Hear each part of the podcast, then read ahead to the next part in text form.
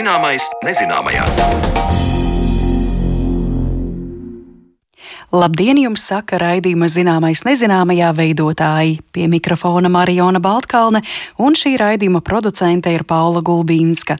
Turpinot šķetināt nevien šai dziesmu svētku nedēļai, bet arī visai vasaras sezonai aktuālus jautājumus, šoreiz pakavēsimies pie temata par ūdeni. Runāsim par dzeramo ūdeni, par krāna ūdeni, par destilētu ūdeni, kas no tā visa ir uzturā lietojams un cik labas kvalitātes ūdens ir Latvijā. Tāpat skaidrosim, ko notekūdeņi pastāsta par mūsu dzīves paradumiem un šķiet it kā jau aizmirstībai atstāto saslimšanu ar COVID. Covid-19. Bet ūdeņu stāstu iesāksim ar materiālu no mūsu arhīva krājumiem par vides jautājumu, kas ik pa laikam nonāk kādos virsrakstos, proti runāsim par plastmasu sēdošām baktērijām. Pagājušajā gadsimtā plastmasas materiāli kļuva par sasniegumu, kas daudzās jomās cilvēkiem atviegloja dzīvi. Taču nav pagājis pat pilns gadsimts, un mēs jau tagad redzam, cik lielas problēmas plastmasas atkritumi spēj radīt. Zinātnē tāpēc nepieciešams domāt atkal jaunus ceļus, kā ar to tikt galā, un viens no šādiem paņēmieniem ir plastmasu ēdošas baktērijas. Cik tālu esam tikuši ar šādām baktērijām un vai tās spētu saēst veselas plastmasas pudeles? Par to saruna ar pētnieku Jāni Liepiņu. Tad, tad iedomājieties, situācija ir 50. gadi. Ir parādījušās šīs ķīmiskās šķiedras, kuras piedāvā jums izturīgāku audumu, piedāvā iepakojumu, kurš eh, ir caurspīdīgs, brīnišķīgi izskatās, spožs, svaigs un tam līdzīgi. Un cilvēki, protams, ļoti ātri pierod pie vērtībām, un viņi ražo un ražo un turpina ražot šo iepakojumu. Tas ir vienreizējs iepakojums, pārstrāde varbūt nenotiek vai notiek minimāli, un tas uzkrājās, uzkrājās. Un cilvēku skaits kļūst aizvien lielāks un lielāks. Un mēs tagad runājam par septiņiem, astoņiem miljardiem. Atkal cilvēki grib dzīvot aizvien labāk, un tas iepakojums tur, turpina uzkrāties un uzkrāties. Un, uh, tad uh, ir 21. gadsimta sākums, un jūs redzat, jūs braucat pa okeānu, un tur ir šie atkritumu virpuļi, saproties, un uh, lielā mērā tas sastāv no pēdas no pudelēm, no maisiņiem, no daudzām lietām, kuras acīm redzami tik ātri viss nenoārdās. Un acīm redzami, tā ir ekoloģiskā katastrofa patiesībā, ko mēs pašreiz novērojam. Un, nu, jautājums, vai tas tā būs vienmēr, un vai mikrobioloģija un biotehnoloģija ir tur ko teikt. Šādi ceļu no 20. gadsimta vidus līdz mūsdienām raksturo Latvijas Universitātes Mikrobioloģijas un Biotehnoloģijas institūta vadošais pētnieks Jānis Liepiņš.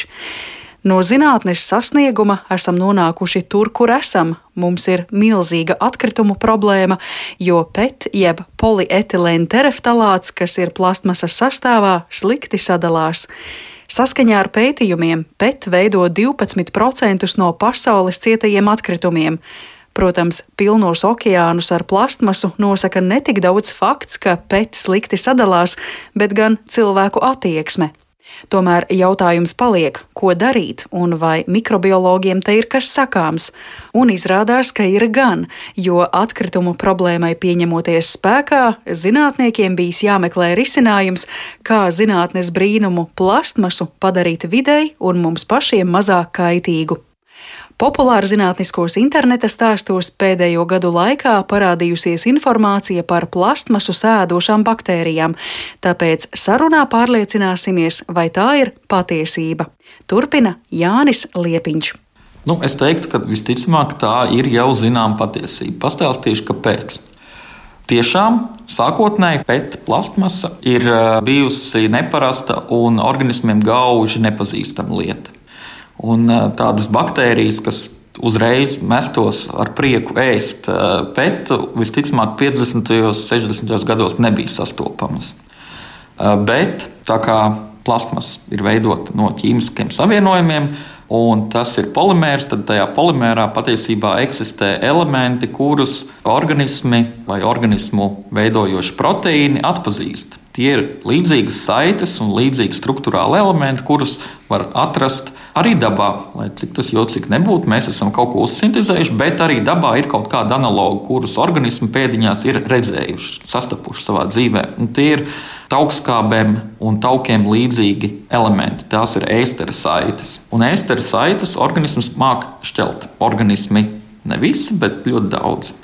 Un uzkrājoties eh, plasmasai milzīgajos kalnos un atkritumu poligonos un tam līdzīgi. Patiešām 21. gadsimta sākumā parādījās ziņas, ka ir atrastas baktērijas, kas spēj izmantot šos PET atkritumus kā vienīgo oglekļa avotu. Tātad viņas īstenībā aug pateicoties plasmas pārstrādē.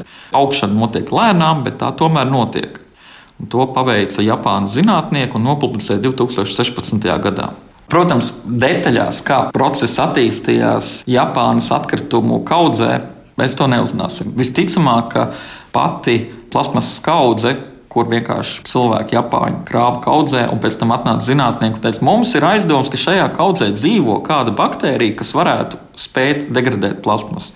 Un viņi mērķiecīgi vienkārši paņēma paraugu no vienas puses, no otras puses, no kaudzes vidus, no malām, sagaidot, ka kaut kur tajā kaudzē ir atrodama šī baktērija. Tad, tad visticamāk, ka baktērijas tur jau bija sen, sen, bet tā kā nebija citu oglekļa avotu, tad uh, izdzīvoja tikai tā baktērija, vai tas mutants, vai tā šķirne, kura bija pielāgota sākt šķelt. Un tikko piedzima vai pēdiņās nodalījās pirmā baktērija, kas spēja šķelt šo PET, tad viņas pēcnācējs spēja šķelt labāk, iespējams, tad tie pielāgojas vēl labāk, deva vairāk pēcnācējus, vairāk, vairāk, vairāk. Jā. Tātad kaudzē, atkrituma kaudzē notika baktēriju evolūcija. Un vēl iedziļinoties tad, tad, eh, dziļāk jautājumā, kāpēc, kas tad ir tie proteīni, kas ļauj sašķelt plasmas, patiešām tās ir lipāzes vai lipāžu atvasināti proteīni, kas normāli parasti šķeļ taukus. Bet izrādās, ka plasmas kaudze ir veikusi atlasi tajā virzienā, ka ir izdzīvojušas tās baktērijas, kuru enzīmi ir pielāgojušies šķelt plasmas labāk nekā citas. Un, padomājot mazliet plašāk, šīs baktērijas nav vienīgās, kas to spēj darīt. Ir arī sēnes, kas spēj šķelt lapas un lapu saturošus vaskus, kas ir pilnīgi dabisks savienojums. Uz lapām parasti ir vaska kārtiņa, un arī tur ir slikti šķīstoši savienojumi, tauki, vaski. Un īstenībā tie proteīni, kas spēj sašķelt šos vaskus, ilgākā laika periodā spēj sašķelt arī plasmas. Un arī no turienes mūsdienu zinātnieki jau izdala proteīnus un pielāgo tos pēc šķelšanai. Tad eh, sanāk tā, mēs paņemam vienu mehānismu, kas mums jau ir zināms, atpazīstams, un mēs to uzlabojam, lai šajā gadījumā šķeltu plastmasu. Jā, tieši tā tas arī būtu. Pēc tam ir 21. gadsimts, un mums ir arī zināmi virzieni, kādā veidā mēs varētu uzlabot šo proteīnu. Pirmkārt, mēs atpazīstam proteīnu, mēs atpazīstam gēnu, kas kodē šo proteīnu. Un tad mēs atpazīstam proteīnā konkrētus motīvus, kas ir atbildīgi par šķelšanu. Kas ir aktīvais centrs, kura daļa ir atbildīga par to, lai aktīvais centrs būtu pasargāts piemēram no karstuma ietekmes, kura daļa ir atbildīga par to, lai proteīns turās vispār kopā un tam līdzīgi. Un tam līdzīgi. Un katru no šīm daļām mēs mākam tagad jau inženierēt mūsu vēlamajā virzienā, lai proteīns būtu karstuma izturīgāks, lai tas būtu izturīgāks pret plašāku pH reģionu. Piemēram, mēs nevaram garantēt, ka visi PET atkritumi, kurus mēs saņemsim, būs tikai pH 5,5. Visdrīzāk nē, viņi būs gan pH 6, gan pH 7, gan pH 4. Mēs gribētu, lai šie enzīmi darbotos plašā pH reģionā un vēl citi faktori.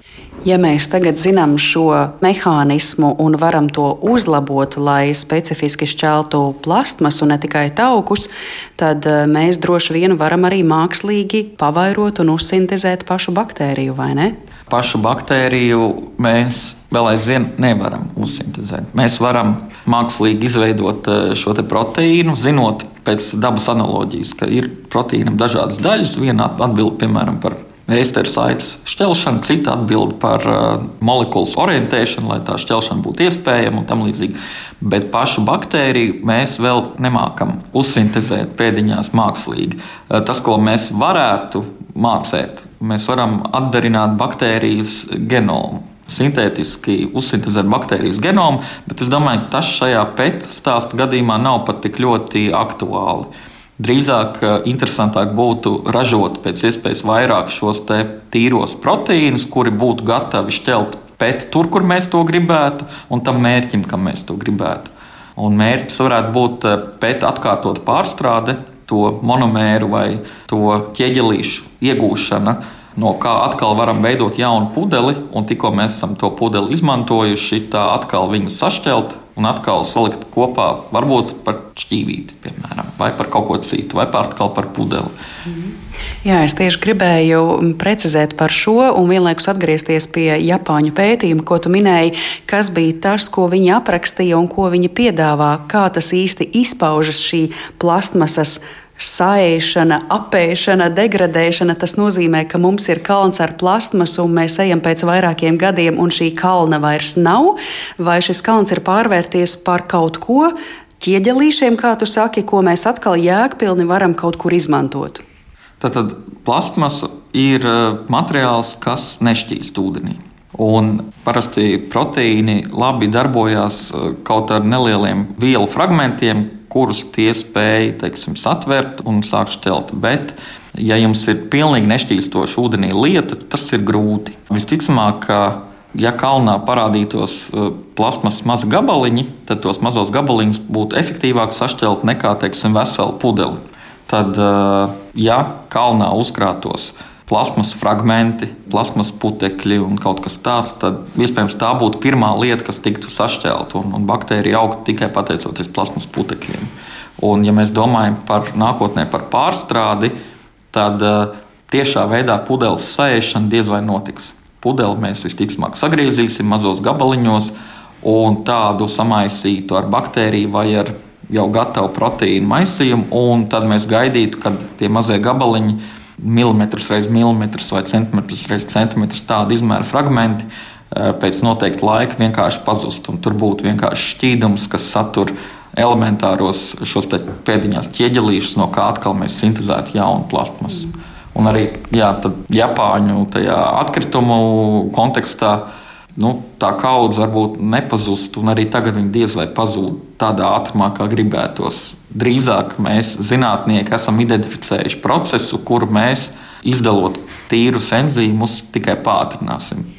Japāņu zinātnieku identificētajai baktērijai, ap kuru vijas mūsu šīs dienas saruna, ir arī nosaukums latīņu valodā - Ideonella sakaiensis. Pētnieku testi pierādīja arī to, ka plānu pēt plēvi šī baktērija spēja noārdīt aptuveni sešu nedēļu laikā. Kā skaidrojas pētnieks Jānis Liepiņš, ar plastmasas pudelēm gan šis process tik vienkāršs nebūtu. Pudeles būtu pirms noārdīšanas jāsasmalcina. Nu tad, ja mēs raugāmies nākotnē, kādi būtu tie jēgpilnie soļi, kā tagad vajadzētu rīkoties, mēs zinām, ka ar plastmasu ir pilni konteineri, ar plastmasu ir pilni okeāni, turklāt gan kā lielas pudeles, gan kā mikroplastmasa. Kā mums to tagad vislabāk salikt kopā ar baktērijām? Man šķiet, ka to plasmas daļu, kas tagad atrodas okeānā un veido šos plasmas atkritumu centrifūgus un visu pārējo klusajā okeānā, ir stāsti dzirdēti un fotografijas. Nu, piemēram, tās varētu apkaisīt ar šādām baktērijām un gaidīt, kad tas vienkārši saruktu laika gaitā. Nu, tas būtu viens gadījums. Ar jauno plasmasu, ko mēs saražot, mēs varētu censties saražot mazāk jaunas plasmas un izmantot mazāk naftas plasmas ražošanā. Plasmas gadījumā mēs varētu koncentrēties uz atkārtotu izmantošanu atkal un atkal, un to veikt ar teiksim, šo te proteīnu palīdzību. Tu minēji par to naftu, vai mēs no tās visur varētu atteikties, jo ir taču plastmasas trauki, bet ir arī plastmasas detaļas, piemēram, lidmašīnās un vēl kaut kur. Nu, šķiet, ka visur pavisam atteikties diez vai ka drīzāk šī PET eh, problēma būtu risināma tajā ikdienas plasmas, tajā vienreiz lietojamā plasmas eh, līmenī. Lidmašīna piemērā laikam gan mēs gribētu lidot ar eh, lidmašīnām, kuras sastāv no detaļām, kuras ir paredzētas ilgāk izmantot, nevis teiksim, ierobežot gadu vai pusotru gadu. Tātad viens variants mēs okeānā izkaisām baktērijas. Vēl viens risinājums - mēs vienkārši mazāk izmantojam naftu plastmasas ražošanā. Un tad vēl viens, ko tu jau ieskicēji, ir, ka tos pārējos plastmasas atkritumus, kuri nav okeānos, mēs sadalām un izveidojam maisījumu ar baktērijām. Ja? Nu jā, un, un mēģinām tos pārstrādāt un iegūt atkal šos mazos uzbūves ķieģelīšus, monomērus. Es nedomāju, ka tas uh, risinājums atnāks tagad un tūlīt, bet uh, mums izskatās ļoti daudzas labas iestrādnes, lai šo plasmas problēmu tiešām risinātu ar tādā saprotamā veidā. Mm. Par šo tieši arī gribēju jautāt, vai tev ir zināms, vai kaut kas tāds jau notiek. Mēs tagad esam sapratuši mehānismu, kā tas tālāk attīstās Latvijā, citur pasaulē. Ir kaut kādi jau tālāk praktiski soļi. Cik es zinu, Latvijā tāda tīra komerciālā veidā plasmas pārstrāde vēl nenotiek, bet iespējams, ka notiks. Jo kāpēc gan ne? Taču plašāk pasaulē lielas korporācijas, kuras ražo teiksim, dzērienus, kuras pudeļo šajās plasmas pudelēs, viņas sāk aktīvi interesēties par to, kādā veidā notiek pudeļu pārstrāde. Un sāk arī domāt, un varbūt jau tagad, kamēr mēs te runājam, ievieš jau tehnoloģijas, kā viņu izmantotās pudeles tiktu ar viņu proteīnu palīdzību pārstrādātas un atkal atgrieztas kā jaunas pudeles atpakaļ.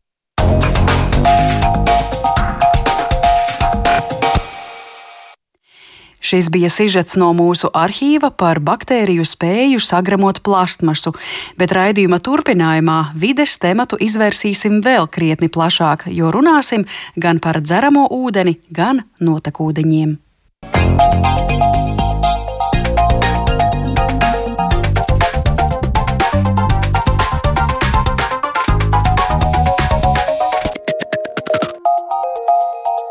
Zināmais nezināmajā. Ir vasaras karstais laiks, un, lai gan mēdz uznākt arī lietus gāzes un pērkona negaiss, vasarā ūdeni patērējam vairāk nekā ierasts. Ja par veikalos iegādājamā un pudelēs salietā dzeramā ūdens kvalitāti bāžu parasti nav, tad joprojām cilvēki nav droši vai drīkst dzert krāna ūdeni. Par ūdens garšu, kvalitāti un ūdens ceļu līdz mums saruna raidījuma turpmākajās minūtēs, un ūdens stāstu izzināsim kopā ar mūsu viesi studijā Rīgas Tehniskās Universitātes ūdens pētniecības un vides biotehnoloģiju laboratorijas vadošo pētnieku Sandi Dejus. Labdien, Sandi! Sveiki! Mēs pie stāsta par krāna ūdeni vēl noteikti nonāksim, bet eh, es iesākumā minēju, ka par veikalos nopērkamā un pudelēs salietā ūdens kvalitāti cilvēkiem bāžu parasti nav. Un tomēr jums, kā pētniekam, es gribētu jautāt, vai jūs un arī jūsu kolēģi bieži saskaraties, piemēram, ar cilvēku telefona zvaniem vai kādiem citā veidā iesūtītiem jautājumiem par to, cik droši ir dzert vienu vai otru ūdeni, to pašu veikalos nopērkamo. Ļoti interesanti ir izveidojusies tā situācija, ka cilvēki šim fasētiem ūdenim uzstās vairāk nekā krānūdenim. Un Tas varētu būt skaidrojums ar kaut kādu psiholoģiju vai kaut kādām vēsturiskām atmiņām. Un, uh, par laimi mums nepārāk bieži traucē šādiem zvaniem par ūdens kvalitāti fasējumā un tā atbilstību prasībām. Un šīs prasības faktiski jau arī mums nosaka gan Eiropas, gan Latvijas likumdošana, kas ir dzeramā ūdens nekaitīguma prasības, kur ir atrunāti gan parametri, kam ir jāatbilst uh, gan krāna ūdenim, gan fasētējiem ūdenim, gan arī kā jāņem šī parauga un cik bieži un kurās vietās lai pārliecinātos par ūdens drošumu. Pirmkārt, ka tas nevar radīt nekādas sekas vai apdraudējumus patērētāju veselībai, gan par kvalitāti. Tas nozīmē, ka ūdens ir patīkams lietošanā, garšīgs un cilvēki par to izsaka pozitīvas atsauksmes. Jā, un kāpēc tieši ir šī dilemma, vai tiešām tas krāna ūdens ir drošs vai nedrošs, tas ir ļoti interesants jautājums, ar ko mēs jau ilglaicīgi strādājam, mēģinot skaidrot, izskaidrot šīs atšķirības vai atšķirību nēsamību starp fasētu ūdeni un un krāna ūdeni. Bet tas eh, darbs aizvien diezgan daudz mums ir priekšā. Jā. Mm. Pat ja jūs ikdienā tā nebombardē ar jautājumiem, tāpat jums publiski sanāk to skaidrot daudz. Jūs minējāt krāna ūdens un fasētais ūdens. Es sākumā pieteicu vārdu salikumu dzeramais ūdens. Vai sanāk, ka dzeramais ietver šo krāna, fasēto un vēl jebkādus citus ūdens veidus? Galvenais, ka mums tas nenodara veselībai kaitējumu, jo tas jau varētu būt arī avotā vai citā ūdens tilpē pasmelts ūdens, vai ne?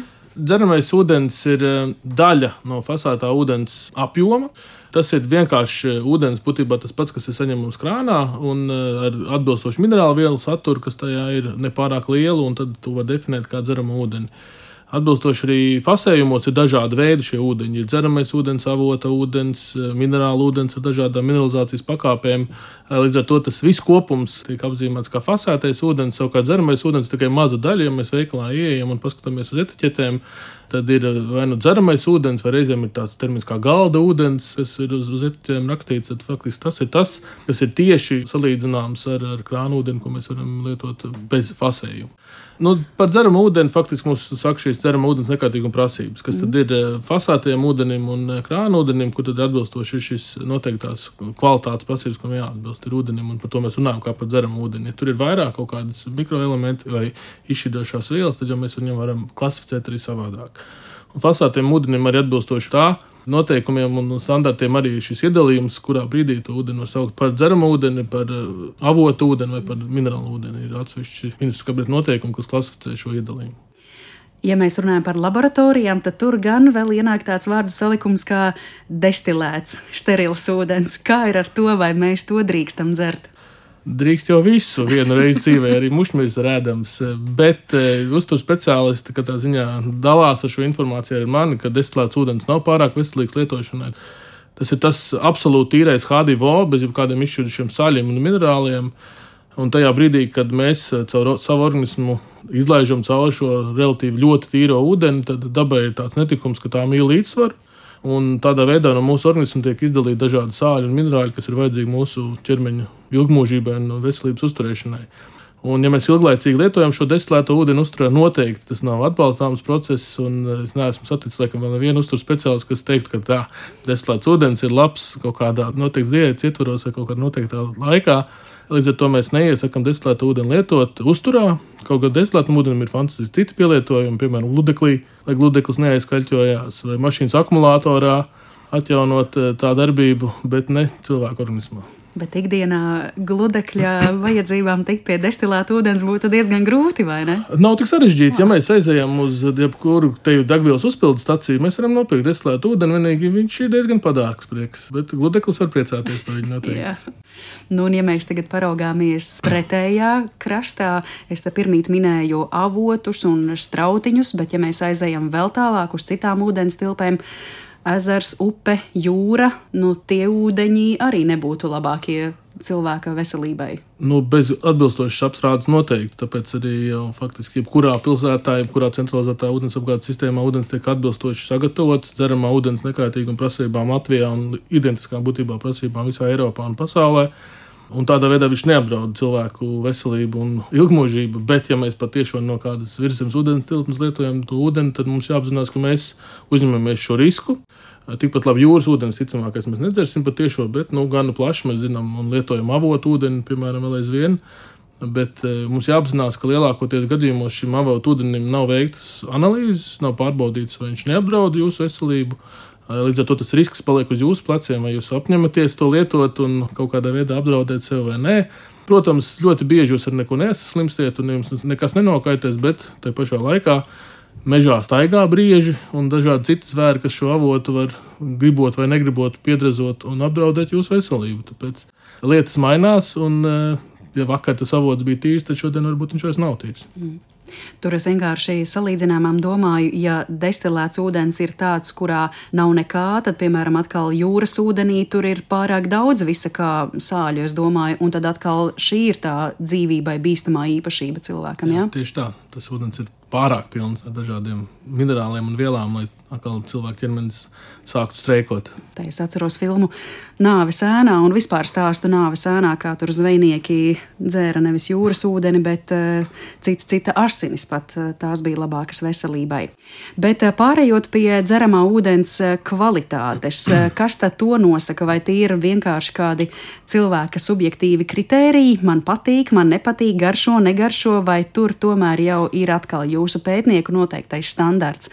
Es ticu, ka tas velk uz to otro variantu, bet tad jūs varbūt varat paraksturot Nē. plašāk. pat ne mūsu pētnieku. Ir Pasaules veselības organizācija, kas ir definējusi dzeramā ūdens kvalitātes prasības, kuras arī ir adaptētas lielākoties Eiropas likumdošanā un tad secīgi arī Latvijas likumdošanā. Un to, kādas ir šīs prasības, nosaka jau globāli šie pētījumi ilgtermiņā, kas ir bijuši par dzeramā ūdens kvalitāti. Mēs šeit, kā zinātnieki, varam tikai pārliecināties par to ūdens kvalitāti un tā izmaiņām un veikt dažādus pētījumus par ūdens dinamiskām izmaiņām, par izmaiņām ūdens apgādes tīklā un, un šādām lietām. Bet par pašu kvalitāti ir gana cieti un standartizētas šīs prasības kuras mēs, mēs neuzdrošināmies mainīt, jo ir veikti pasaulē gadu desmitiem gari pētījumi, lai nonāktu pie šīm prasībām.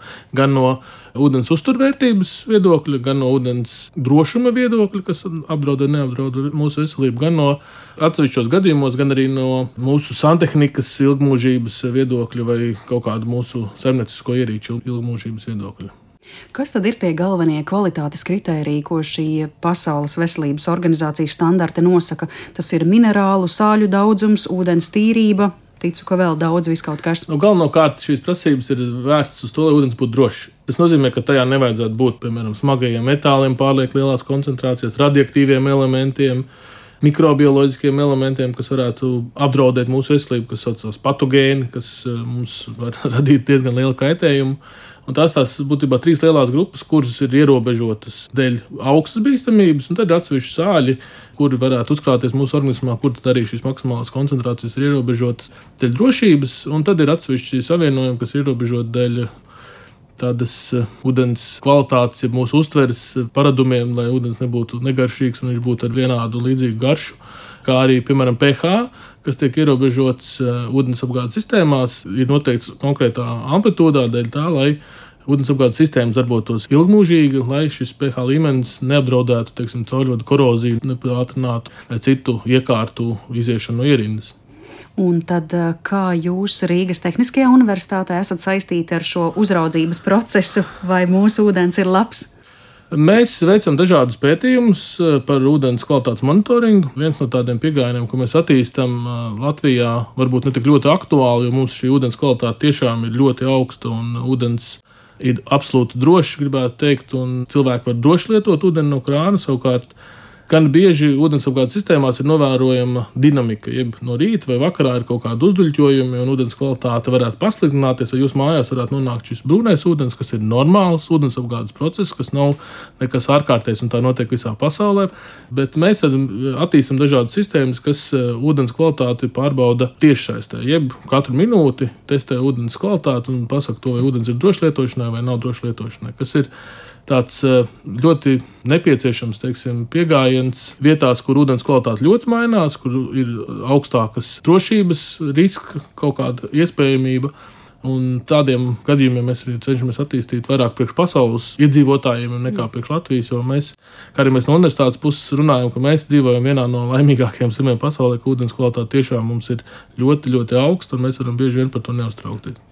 Un kā ir piemēram ar ūdens eh, garšu un smaržu, vai tie ir arī kriteriji, kas nosaka, vai ūdens ir slikts vai labs?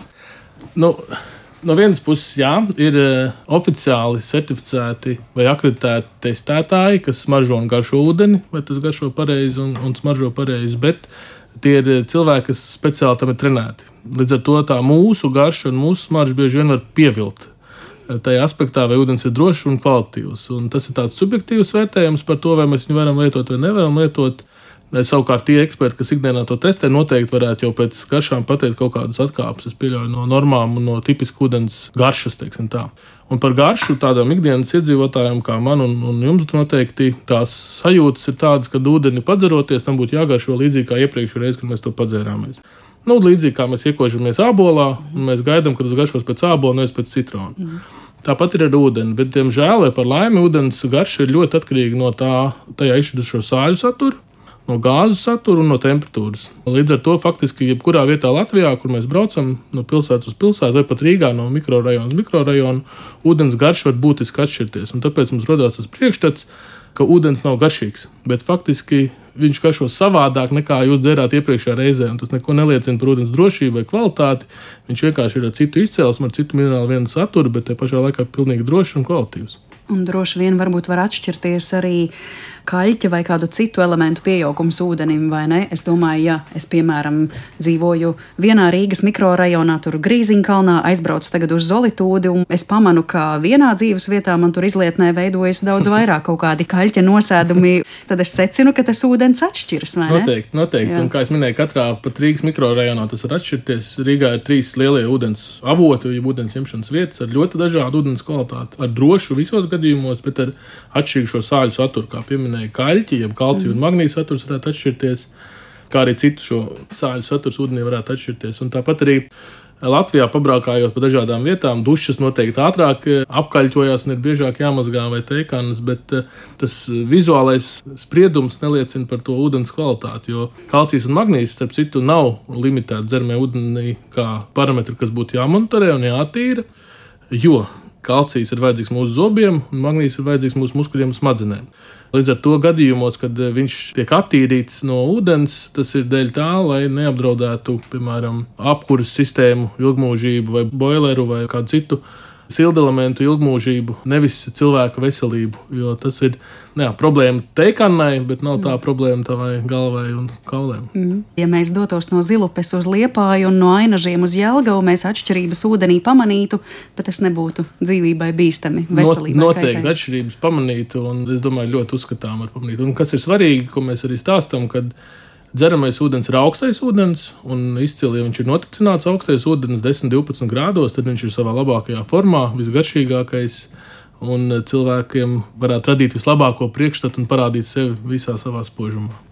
Jā, un kā mēs secinājām, tā tad smarža arī nav tas uh, objektīvais kritērijs, pēc kā izmērīt, jo es te es tieši iedomājos, mums taču ir arī sērūdeņa raža avoti, ķemeros un vis kaut kur citur, un tas ūdens, nu, varbūt man arī tik ļoti negaršo, un tūmā atrasties arī ir diezgan grūti, bet uh, man šķiet, ka ūdens kvalitāte tam ir visai laba. Ne? Jāsaprot, ka arī šis sēdūdeņradis atbilstošās koncentrācijās vairs nav veselīgs ikdienā uzturā lietojams. Atsevišķās devās kaut kā kādos īpaši eh, izrakstītos brīžos tas varētu būt atbilstoši un nepieciešams, bet eh, visu vajag ar mēru. Eh, līdz ar to arī tā smaka kaut kādā brīdī, ja jūs ikdienā gribētu lietot šo ūdeni, varētu liecināt par to, ka varbūt to nevajag darīt. Ūdenim nevajadzētu būt izteiktais maržai. Tas varbūt neapdraud tavu veselību, bet tas nav ilgtermiņā varbūt ļoti nepieciešams. Līdz ar to kaut ko varbūt vajadzētu darīt ar viņu pirms mm. lietošanas. Jā, nu es, eh, Sandi, tagad varu publiski pie mikrofona atzīties, ka jūs esat tas cilvēks, pateicoties kuram es tiešām apzināti un regulāri sāku dzert eh, krāna ūdeni, jo jūs par to esat runājis daudzās intervijās, un es pēc tam arī visus savus radus un draugus pārliecinu, ka pētnieki ir atzinuši, ka krāna ūdens ir labs, bet tad acīm redzot, tur vēl valda tie stereotipi cilvēku, ja vairāk. Nu, ir šādas tādas atmiņas no vēsturiskiem laikiem, kad cilvēki nav pamēģinājuši ūdeni 20 gadus no krāna. Jāapzinās tas, ka daudz kas ir mainījies, ir pilnveidot attīstīšanas procesi tie visās Latvijas apdzīvotajās vietās, un tā skatā Rīgā būtiski pilnveidot procesi. Ir eh, kaut kāda neusticība, varbūt nezinu, pašvaldībai vai valdībai, kas tur varētu būt. Tā, tomēr fasētai ūdenī tas varētu būt labāks ūdens. Un ir tādas dažādas lietas, kur mēs cenšamies skaidrot. Arī, piemēram, vislielākā atšķirība starp fasēta ūdens analīzēm un krāna ūdens analīzēm ir tā, ka Fasētā ūdens analīzes tiek ņemtas tajā brīdī, kad ūdens tiek iefasēts pudelē. Līdz ar to tiek pieņemts, ka tajā brīdī, kad ūdens ir pudelī, tur nekas vairs nemainīsies. Savukārt krāna ūdens netiek tikai analizēts attīstīšanas iekārtās, bet tiek analizēts pilsētā, tās vietās, kur tas tiek lietots.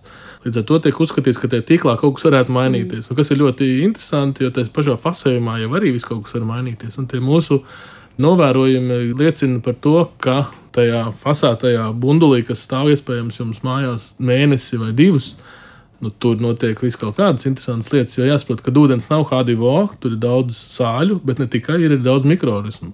Katrā pilienā var būt vairāk nekā viens miljons mikroorganismu katrā mililitrā. Nu, kas ir ļoti daudz, un ja viņi dzīvojās jums mājoklī, plus 22 grādos, nu, tur ir ļoti pateicīga vide, lai viņi vairotos. Līdz ar to tas pieņēmums, ka ūdenī pēc iefasēšanas nekas nemainās, arī nav patiesa. Viņš neapdraud jūsu veselību, bet dažādi procesi tur notiek. Un tas pats jau ir arī ūdens apgādes sistēmās. Ja viņas ir slēgtas, hermetiskas un atbilstoši darbojošās, tad viņās jau nekas nevar mainīties. Ja tu tajā sākotnējā ūdenī nekas slikts nav iekšā, tad arī tavā krānā nekas slikts nevar parādīties. Tik vienkārši šī matemātika. Jā, es agrāk arī domāju par eh, minerālu ūdens pudeļu, ka tāds derīguma termiņš vispār ir arī tām pudelēm, kas atrodas veikalā, un pat ja tās stāv tādā mērenā temperatūrā, nu ne tur lielos plusgrādos, kaut kādi procesi jau tur notiek, un tāpēc tam ūdenim arī ir derīguma termiņš. Jā, noteikti. Un vēl kas ir interesanti, ka lielai daļai no fasātiem ūdeņiem nu, dzeramajiem fasātiem ūdeņiem, varētu teikt, ka uzturvērtība ir zemāka nekā krānūdenim, jo it kā mēs iegūstam vizuālu tādu baudījumu, kad glāze pēc ūdens lietošanas nav ar kaļķu kārtiņu vai teikāni ilgāk strādā, bet faktiski no tā ūdens, kas ir fasējumā, ir atdalīts šis kalcijs un magnīs. Līdz ar to mēs viņu vizuāli neredzam. Liekas, ka ūdens ir tīrāks, mūsu teikāni ilgāk darbojās kafijas automāts, bet īstenībā viņai ir mazāk uzturvielu nekā pieejams kā ūdenim. Bet ir vēl arī cilvēki, kuri saka, ka no negāzēta krāna ūdens vai vispār negāzēta ūdens veikalā nevar atzerties. Tad sanāk, ka tas gāzētais ūdens ir tiešām izteikti labāks, tur ir vairāk sāļu, un tāpēc cilvēkam tās slāpes tiek remdētas. Nu, tas, laikam, arī ļoti subjektīvs. Gāze varētu palīdzēt remdēt slāpes noteikti, un gāzes saturs ūdenī arī bieži vien uzlabo tā garšu, kas arī ir tāds interesants uh, fakts. Bet par atzeršanos no gāzēta ūdens, nu, tas ir jā, tāds spriedums valda, bet kā tas zinātnīs izskaidrojums īsti nav laika. Mm -hmm. Tad no dzeramā ūdens pārējot vēl pie notekūdeņiem, tad, tad mēs ūdeni iegūstam no dažādām vietām Rīgā, piemēram, Baltazars, Daugavā. Tie notekūdeņi arī nonāk turpat, kur mēs tos paņemam, un kas vispār uzrauga šo visu procesu. Jā. Atgriežoties pie ūdens, tad Latvijā visās pilsētās, izņemot Rīgu, mēs ūdeni iegūstam no pazemes. Tas nozīmē, ka notekūdeņi nenonāk turpat, kur mēs ņemam ūdeni. Izņemot Rīgas pusi no pilsētas aptuveni, kur ūdens tiek ņemts no Daugavas, Hesas. No Rīgas Hesas ūdenskrātuves un tā secīgi attīrīts ar ļoti sarežģītiem astoņiem vai deviņiem attīrīšanas procesiem. Pārējā Latvijā mēs ņemam pazemes ūdeni. Līdz ar to notekūdeņi faktiski nevar ietekmēt šo ūdens kvalitāti. Atsevišķos gadījumos varētu būt, ja tur ir tūmā kaut kādas fermas vai kādas līdzīgas objekti, kas nu, ļoti ārkārtas situācijās varētu ietekmēt šo ūdens kvalitāti šajos urbumos. Un tas faktiski ir bijis arī vienīgais gadījums 30 gadu laikā, kad cilvēki ir saslimuši no ūdens lietošanas, no centralizētas sistēmas pirms aptuveni 10 gadiem, kad eh, šis urbums bija bojāts un nonāca notekūdeņi būtībā no blakus esošās fermas šajā urbumā, un cilvēki secīgi saslimuši. Bet normālos apstākļos, par laimi, mēs dzīvojam tādā vietā, kur pazemē ir ļoti bagāti ūdens resursi un pasargāti, jo viņi ir pārklāti vai nosegti ar ūdens necaurlaidīgiem slāņiem. Līdz ar to mūsu ikdienas darbības varbūt tik ātri nevar ietekmēt šo ūdens kvalitāti. Starp citu, cik eh, dziļi ir tie pazemes avoti, no kuriem mēs iegūstam ūdeni? Ir ļoti dažādi, atkarīgs no pilsētas. Ir sākot no kādiem 40 metriem līdz pat 600 metriem dziļākie urbumi pilsētās, no kurienes tiek ņemts ūdens, kurš tiek pēc tam atbilstoši sagatavots un padots centralizētās ūdensapgādes sistēmās. Un ir uh, vismaz divas pilsētas Latvijā, kur ūdens tiek padots bez jebkādas attīrīšanas, kur pazemē ir pietiekami augsts kvalitātes ūdens, kur vienkārši pat taisnība ir iespējams padot centralizētā sistēmā. Un tās ir? ir ir Cērnikava un daļa no Dāngopils, kur ūdeni tā arī padod sistēmā. Jūs jau esat pieminējis, ka mēs esam tāda laimīga vieta pasaulē ar labu dzeramo ūdeni. Tas viss stāsts ir saistīts ar to, ka mums vienkārši tie krājumi ir tiešām labi un vērtīgi, vai tomēr te papildus parādās arī aspekts, ka tā uzraudzība ir laba, kā tā ūdens aprite ir, kā mēs to attīram, piegādājam un tā tālāk nu, mēs dzīvojam tādā laimīgā vietā. Un, kā jau saku, tad mums par laimi zemē nav naftas, nav zelta, nav diamantu un citu tādu struntu, kas cilvēkiem nav vajadzīgi, bet ir ūdens. Līdz ar to mums pazemē ir ļoti tīri apstākļi, un ūdens nav piesārņots ar šiem elementiem. Nu, kā pretējs piemērs var būt Dienvidāfrika, kur mums ir atrodama te visa Mendeļējo tabula ar dažiem dažādiem derīgiem izrakteņiem, bet ūdens nav. Līdz ar to viņiem ir milzīgas problēmas nodrošināt savu ūdens resursu izdzīvošanai. Mums pazeme ir ļoti tīra, un tāpēc mums ir pieejams šis augstās kvalitātes ūdens. Bet vēl es iedomājos par tādu pasaules vietu kā Indija, Nu, tur tā problēma droši vien ar ūdeni ir saistīta arī ar to, ko cilvēki dara ar to ūdeni. Ne tikai paņem dzeršanai, bet arī dara tajā ūdenī visādas citas lietas. Tātad tā uzraudzības sistēma Jā. arī nav tik laba? Nu, no tā savā veidā ir uzraudzība, vai kultūra, vai cilvēku ikdiena, kā paradumi, kā dzīvo. Un Indijā, ja mēs runājam tieši par Indiju, tad eh, ir arī tā pati problēma, ka pazemes ūdens resursi ir gana bagāti ar dažādām nevēlamām vielām, kā piemēram arsēns, kas nav pārāk veselīgs cilvēkiem, vai fluors, kas augstās koncentrācijās arī nav veselīgs. Līdz ar to viņi ir spiest izmantot virzemes ūdens avots, kas ir upes, no kur tad mēs varam atrast visus šos ikdienas paradumus un kultūru, kā cilvēki dzīvo. Un, nu, ir relatīvi daudz sarežģītāk šo ūdeni sagatavot līdz atbilstošai dzerama ūdens kvalitātei. Noteikti. Vēl par eh, šo notekūdeņu jā, uzraudzību un kontroli varētu teikt, ka tas dalās droši vien tādās divās daļās. Ir eh, institūcijas, kas to uzrauga, un ir arī mēs paši kā cilvēki, kā sabiedrība. Vai analizējot to, kas šajos notekūdeņos nonāk, farmakoloģiskās vielas, kontracepcijas līdzekļi, dažādas citas vielas, vai tas kaut ko pastāst arī par mums pašiem, kā par eh, sabiedrību. Es šeit pirmīt minēju to Indijas piemēru, droši vien, ja analizētu viņu ūdeni, kaut ko varētu daudz izsecināt, vai tā tas ir arī Latvijā. Noteikti. Un viena no tām lietām, ko mēs arī cenšamies sabiedrībai skaidrot, to, lai tas pocis nav mīskaste. Un tur nav paredzēts mest kaķu smiltis, dažādas eh, zāles, kartupeļu mīzes un vēl dažādus citus atkritumus, šīs higiēnas preces. Tur ir paredzēts būtībā cilvēku radītais process novadīt. Un tam ir paredzēts notekūdeņu sistēmas. Un līdz ar to viss šis notekūdeņu apsaimniekošanas process ir paredzēts tieši šāda veida piesārņojuma vai vielu attīrīšanai. Un tās papildus vielas, ko mēs iemetam tajā todas podā, rada problēmas, rada stresu attīrīšanas procesiem. Un, uh, Kaut kādā brīdī, protams, mēs varam vērot, kas notiek sabiedrībā, jo notekūdeņi ir mūsu sabiedrības uzvedības spogulis, kur mēs redzam pilnīgi visu, ko mēs tajā sistēmā, tajā caurulē palaidām. Bet tajā pašā laikā mēs neesam paredzējuši šīs notikuma attīstīšanas iekārtas, lai attīrītu no šī visa piesārņojuma, ko cilvēki rada, varbūt ar dēļ savu nezināšanas vai slinkumu. Un tādā veidā arī daļa no šīm vielām mēdz nonākt pat vidē, kaut kādā veidā apdraudot arī iespējams procesus vidē. Bet kas ir jāsaprot un par ko mēs arvien vairāk Eiropā runājam, par to, ka lētāk un saprātīgāk ir nedarīt tās lietas un nemest to podā zāles, piemēram. Vai citas brīnumus, nekā izbūvēt notikšanas iekārtas, kas var attīrīt pilnīgi visu.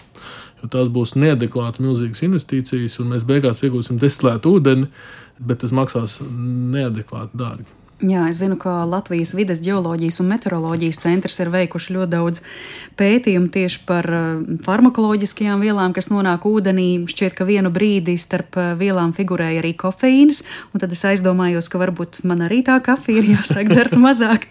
Bet es zinu, Sandi, ka jūs esat saistīts arī ar Covid, Covid-19 monitorēšanu ūdenī. Kā tad šobrīd ir, vai tas mums joprojām uzrādās notekūdeņos? Jā, kā jau minēju, notikumi ir sabiedrības ne tikai aktivitāte, bet arī veselības spogulis. Un arī mēs nu, jau vairāk nekā trīs gadus monitorējam notekūdeņus tieši uz šo covid slimības izplatību Latvijā. Kas ir jā, nu, izplatības monitoringa sistēma valsts mērogā, 17 pilsētās šobrīd. Parāda gan interesantus rezultātus un noderēja arī tajā brīdī, kad bija ļoti plaša izplatība saslimstības. Šobrīd lielā daļā valsts eh, šī notekūdeņu monitoringa sistēma faktiski ir vienīgais veids, kā mēs monitorējam saslimšo skaitu apdzīvotās vietās, un rezultāti ir gan interesanti, jo nu, mēs jau neviens pie doktora ar šo saslimstību vai testus netaisam, jo baigā ķēpa. Bet notekūdeņi ir tā lieta, kur mēs nevaram neaiziet. Līdz ar to mēs redzam absolūti visu. Un tā situācija ir gan stabila šobrīd, ir lielākajā daļā pilsētu. Tā saslimstība ir tikpat plaša, kā bija martā, aprīlī noteikti, un apmēram tā pašā līmenī turās. Katru nedēļu mēs publicējam ziņojumus Bioorā mājaslapā par to, kas tiek novērots atbilstoši katrā pilsētā. Būtībā sastrādājamies ar SPKC, lai nodrošinātu sabiedrības veselību caur notekūdeņiem, kas gan ir interesanti un netipiski. Bet tajā brīdī, kad sākās šī pandēmija, tad eh, mēs arī kā zinātnieki bijām vieni no pirmajiem Eiropā, kas veica šādas metodas izstrādi, un pēc tam arī pēc aptuveni gadi ieviesām to kā veselu monitoringu sistēmu visā Latvijā. Tā papildus priekšrocība, kas mums kopā ar epidemiologiem ir, caur šiem notkūdiņiem, caur šiem paraugiem, eh, monitorēt arī šos tipus vai šī vīrusa tipu izmaiņas. Līdz ar to iespējams identificēt kaut kādus paveidus, kas varētu būt vai nu lipīgāki, vai nu bīstamāki. Tādā veidā mēs varētu būt jau kaut kādu soli nedaudz priekšā un sagatavoties kaut kādā ārkārtas situāciju gadījumā. Un šobrīd, par laimi, viss ir gan vienkārši, gan tipiski, un šīs mutācijas nenotiek tik aktīvi. Līdz ar to esam drošajā pusē, kur satraukties iespējams nevajag, bet nu, jāapzinās, ka tas vīrus izplatās nu, līdzīgi kā citas saslimstības mūsu vidū. Te es arī gribēju jautāt, tas jūsu universitātes laboratorijas darbs. Tad iet roku rokā ar citām institūcijām, ko jau minējāt, bet arī sadarbojoties ar ūdens attīrīšanas iekārtām vai vēl kādām valsts institūcijām, kuras šo visu kopējo procesu uzrauga. Šī sistēma ir gana sarežģīta šobrīd izveidota un nu, jā, visaptveroša, kur uh, ir iesaistītas monitoringa sistēmā trīs pētnieciskās organizācijas, kas ir Bio, Rīgas Tehniskās Universitāte un uh, Biomedicīnas centrs, kas veic šo paraugu analīzi un rezultātu analīzi un interpretāciju, bet tajā pašā laikā ir iesaistīti darbinieki no šo pilsētu notekūdeņotīšanas iekārtām, kas ikdienā ņem paraugus vismaz reizi nedēļā un nodod bioloģistikas sistēmā. Kā es minēju, tas ir 17 pilsētas. Līdz ar to katrā vietā ir vismaz viens cilvēks, kas katru nedēļu paņem paraugu, nodod Tad mēs arī cenšamies nodrošināt kādu atgrieznisko saiti, ja gadījumā mēs redzam kaut kādas ārkārtas novērojamas situācijas. Eh, līdz ar to tajā kopējā monitoringa sistēmā gribētu teikt, ka noteikti ir ap, ap simt cilvēkiem iesaistīti, kas šo dara ikdienā vairāk vai mazāk, vai tas ir viens paraugs, vai tas ir eh, darbs laboratorijā, vai tas ir darbs pie datora analizēt datus, bet gan plašs cilvēku skaits, kas nodrošina šīs sistēmas darbību. Un kas ir svarīgi, ko vienmēr man ir jāpasaka, ka notekūdeņos esošie Covid-RNS elementi nevar izraisīt saslimšanu. Un tas bija tāds ļoti liels troksnis Covid izplatības sākumā, kad bija pasaulē pilsētas, kur attīstīšanas iekārtu operatori negāja uz darbu, jo viņiem likās, ka viņi saslims no notikuņos esošā Covid. Bet saslimt nevar. Tās ir tikai, kā mēs sakām, čaulītes, kas mētājas notikuņos, kurus mēs salasām un skatāmies, cik daudz viņas ir atrodams.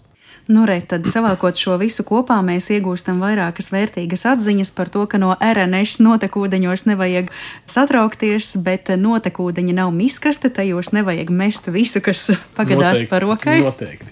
Un pats galvenais, ka mums Latvijā ir labs dzeramais ūdens un labs krāna avots, neatkarīgi no tā, cik tur daudz ir kaļķa, kā tas smaržo vai garšo, un, kā es sapratu, neatkarīgi arī no tā, vai tas kādreiz ir brūns. Jūs arī to minējāt. Jā, ne? par šo brūno ūdeni arī ir jāsaprot, kas ir šis brūnums. Tas ir dzels. Un dzelzceļa koncentrācija dzeramajā ūdenī ir ierobežota nevis tāpēc, ka tas mums apdraud veselību, jo mēs dabūjam pa degunu, tad mēs dabūjam asins pagaršot, viņas garšo pēc dzelzceļa. Mēs esam ļoti bagātīgi ar dzelzceļu. Līdz ar to ūdenī šī dzelzceļa koncentrācija tika ierobežota tāpēc, lai neradītu nepatīkamas garšas, smaržas un nepatīkamas nosēdumus mūsu sanitāra tehniskajās ierīcēs. Līdz ar to kaut kāda minimāla koncentrācija dzelzceļa vienmēr būs ūdenī. Un e, ceļojot no ūdens attīrīšanas iekārtām līdz jūsu mājām, tas var izsēsties uz ceļojuma pamatnes. Un tajos brīžos, kad notiek kaut kādas straujākas izmaiņas ūdensapgādes tīklā, piemēram, tiek dzēsts ugunsgrēks, vai, piemēram, tiek veikti remonta darbi, mainās hidroloģiskie apstākļi ūdensapgādes tīklā un uzduļķoši šīs nogulsnes. Līdz ar to jūsu mājās var nonākt šis brūnais ūdens. Kā no tā izvairīties, noticināt, sagaidīt, kad ūdens atgriežas dzirdams vēss, nu, tad viņš ir iegūst atkal savu labāko formu. Un tas ir normāls, kā jau teicu, ūdensapgādes process ne tikai Latvijā, visā pasaulē tas tā notiek. Jo šo dzelzi līdz nulē attīrīt nav nepieciešams, līdz ar to viņš palēnām arī tīklā izsēžās. Un droši vien to pašu var darīt arī tad, ja tomēr to no krāna paņemto ūdeni grib atbrīvot no kādiem nosēdumiem, vai ne? Tad var parasto filtru izmantot. Jā, par filtriem arī ir daudz stāstu, ko mēs cenšamies izskaidrot. Tas, ko mēs stāstām, ja jums ir centralizēts ūdensapgādes sistēmas ūdens, Ir divi veidi filtri, ko mēs teiksim, atbalstām. Ja gadījumā jums ir ļoti liela nepatika pret krānu ūdeni, viens no tiem ir diegu filtrs, kas palīdz izvairīties tieši no šī brūnā ūdens, no metāla dzelzceļiem, kas aiztur lielākus elementus savā struktūrā un izmaksās tur pārdesmit eiro varbūt lielākais. Un otrs ir ogļu filtri, kas visbiežāk ir veidot kā filtru krūzes, kur arī var izmantot, lai savā veidā uzlabotu ūdens garšu un smaržu. Šīs aktuālās ogles filtri aiztur gan mikroorganismu daļu, gan dažādu sāļu daļu, un tādā veidā it kā uzlabo garšu un smaržu ūdenim. Un tā ir divi veidi, ko mēs puslīdz sakām, kad ir iespējams izmantot un nepārmaksāt vairāk par 30 eiro mēnesī. Tie nākošie visi superfiltri un dažādas citas šarlatānu mantiņas, kas tiek tirgotas un pārdotas avantūriskākiem cilvēkiem, tās droši vien nav vajadzīgas Latvijas apstākļos, un tas ir diezgan nepamatots naudas izlietošanas veids. Tā kā maksimums tiegu filtri, ogles filtrs un vairāk nekas mums nav vajadzīgs, un pat tas nav ikdienā vajadzīgs. Tikai, ja jūs gribat nomierināt sevi un savus radiniekus kaut kādiem iemeslu pēc. Mm. Paldies jums, Sandi, ka jūs eh, šodien atkal ar tādiem zinātniskiem faktiem un pamatojumiem eh, centāties eh, vismaz mēģinājāt varbūt nomierināt vēl kādu satrauktu cilvēku, kurš domāja, vai krāna ūdens Latvijā ir labs. Atzinums ir tāds, ka ir tā kā atliek tik pasmelt un dzert un lai iet labumā. Tieši tā, kā es minēju, tad atceramies, ka mēs dzīvojam vienā no laimīgākajām zemēm pasaulē, jo mums nav zelta, bet mums ir ūdens. Mm, šķidrais, mūsu šķidrais zelts. Bez ūdens par trijām dienām mēs ilgāk neizdzīvosim kamēr ar zeltu tik uz priekšu tā netiks. Saku šodien paldies mūsu studijas viesim, un tas bija Rīgas Tehniskās Universitātes ūdens pētniecības un vides biotehnoloģiju laboratorijas vadošais pētnieks Sandis Dejus. Lai jums skaista vasara un lai ūdens vienmēr par rokai. Priekā. Par šo raidījumu gādāja producente Paula Gulbīnska, mūziku šai stundai izvēlējās Girts Bišs, skaņu režijā bija Kristīna Delle un pie mikrofona Mariona Baltkalne. Paldies, ka jūs pievienojāties mums šajā stundā un lai jums patīkams dienas turpinājums. Visu labu!